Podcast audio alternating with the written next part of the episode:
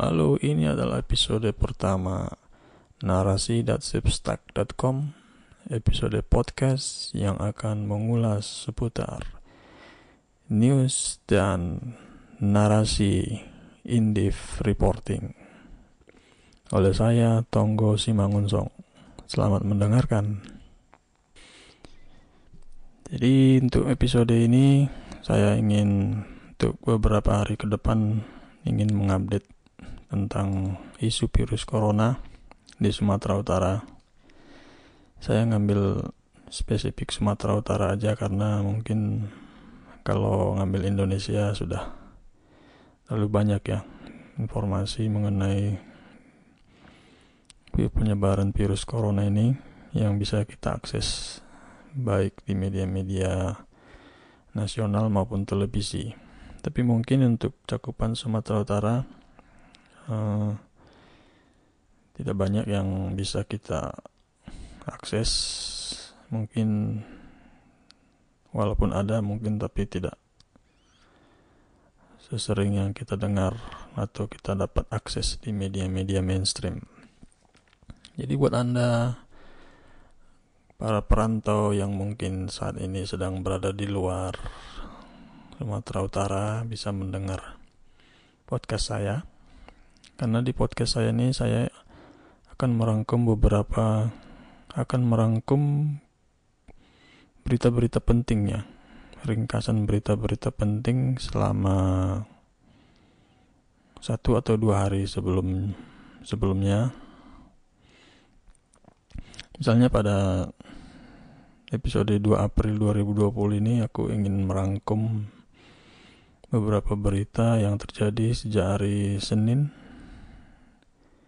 sampai hari ini ya 2 April jadi dalam sepekan ini isu tentang virus corona itu masih menjadi headline di hampir semua media Indonesia tanpa kecuali di Sumatera Utara ya seperti pada hari Senin 30 Maret kemarin seorang pasien dalam pengawasan atau PDP dilaporkan meninggal di Rumah Sakit Madani, Medan. Pasien berinisial SA disebut meninggal karena virus corona. Ini beritanya sudah terbit di beberapa media ya, masuk detikcom atau tribun.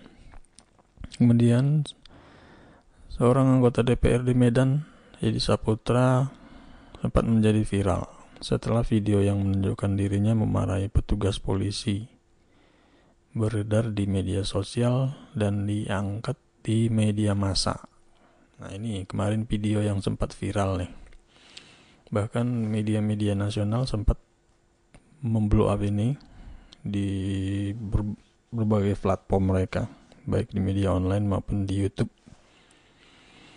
Ini anggota dewan Edi Saputra kemarin viral karena kabarnya dia memarahi polisi yang meminta agar pemakaman dilakukan sesuai prosedural untuk korban virus corona. Jadi sesuai prosedural itu kalau dia positif corona dia tidak boleh dibawa ke rumah tapi langsung dimakamkan. Namun Edi bersikeras bahwa korban bukanlah korban virus corona karena dia bilang belum ada keluar hasil tes atau hasil pemeriksaan apakah dia benar-benar positif corona. Terkait pemakaman virus corona, sebelumnya ada reaksi penolakan dari warga. Ya, ini di Medan ini beberapa warga di misalnya di Kelurahan Simalingkar B, Kecamatan Medan Tuntungan, mereka menolak korban virus corona dimakamkan di TPU Simalingkar B.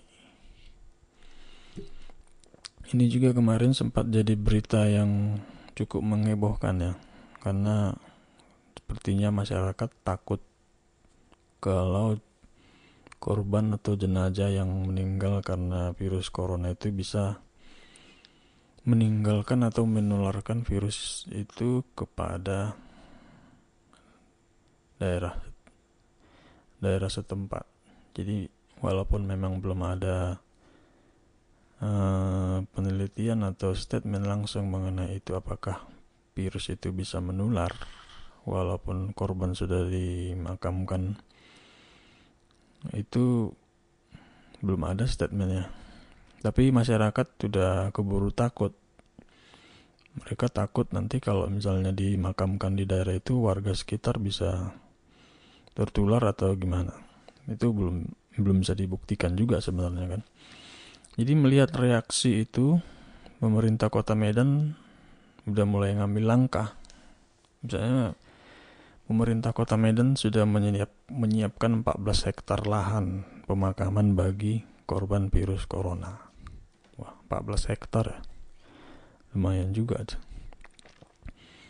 Jadi setelah SH kemarin di rumah sakit Bunda Tamrin seorang pasien PDP meninggal tepatnya pada hari Selasa 31 Maret 2020. Korban berinisial MHC, umurnya 35 tahun, bekerja sebagai honorer di Badan Narkotika Nasional Provinsi BNNP Sumut. Juru bicara penanganan COVID-19 Provinsi Sumatera Utara yang juga Sekretaris Dinas, Dinas Kesehatan Sumut, Dr. Aris Yudariansah.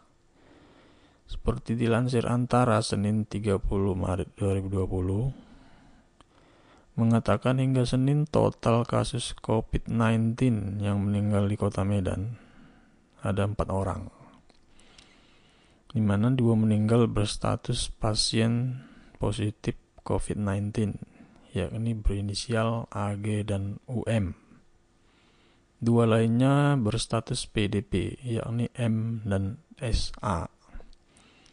Dengan bertambahnya pasien meninggal di RS Teguh pada hari Selasa, maka jumlah kasus meninggal karena COVID disebut menjadi lima orang. jadi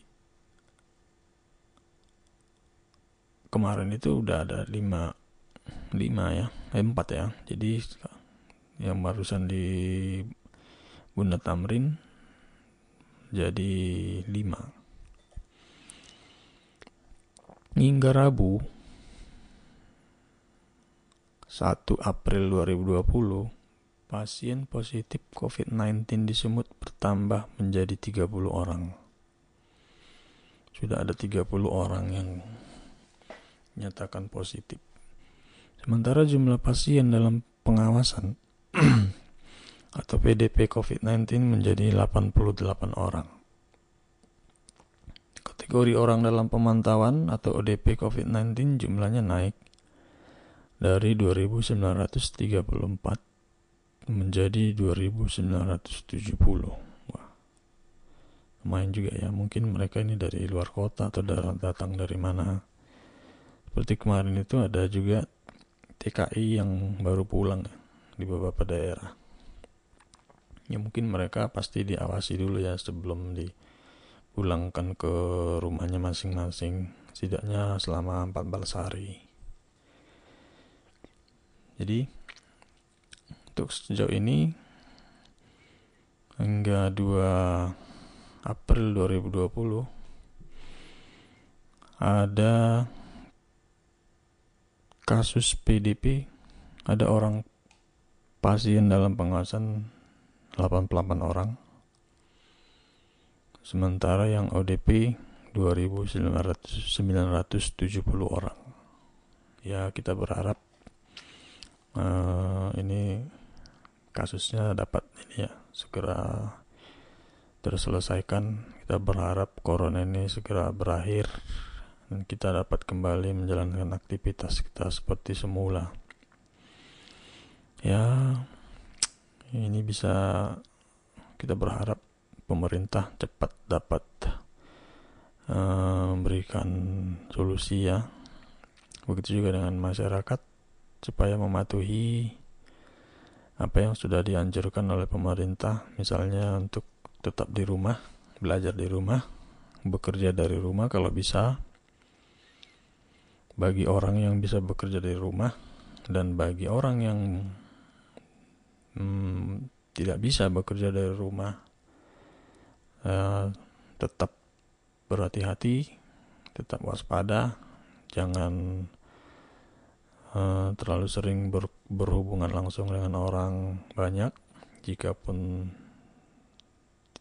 tidak bisa dihindarkan setidaknya jaga jarak dan sering mencuci tangan dengan sabun atau disinfektan karena dengan begitu kita bisa mengurangi penyebaran virus ini antar sesama kita. Oke, untuk sementara itu yang bisa saya laporkan untuk Anda. Jangan lupa nantikan episode podcast saya berikutnya atau membaca newsletter yang saya kirim lewat email. Jika Anda belum terdaftar sebagai subscriber atau penerima newsletter, silakan daftar email Anda di tombol subscribe yang ada di blog. Tinggal masukkan email Anda nanti secara otomatis setiap newsletter atau podcast yang saya publikasikan di blog ini akan masuk ke email Anda. Oke, terima kasih. Sampai ketemu lagi.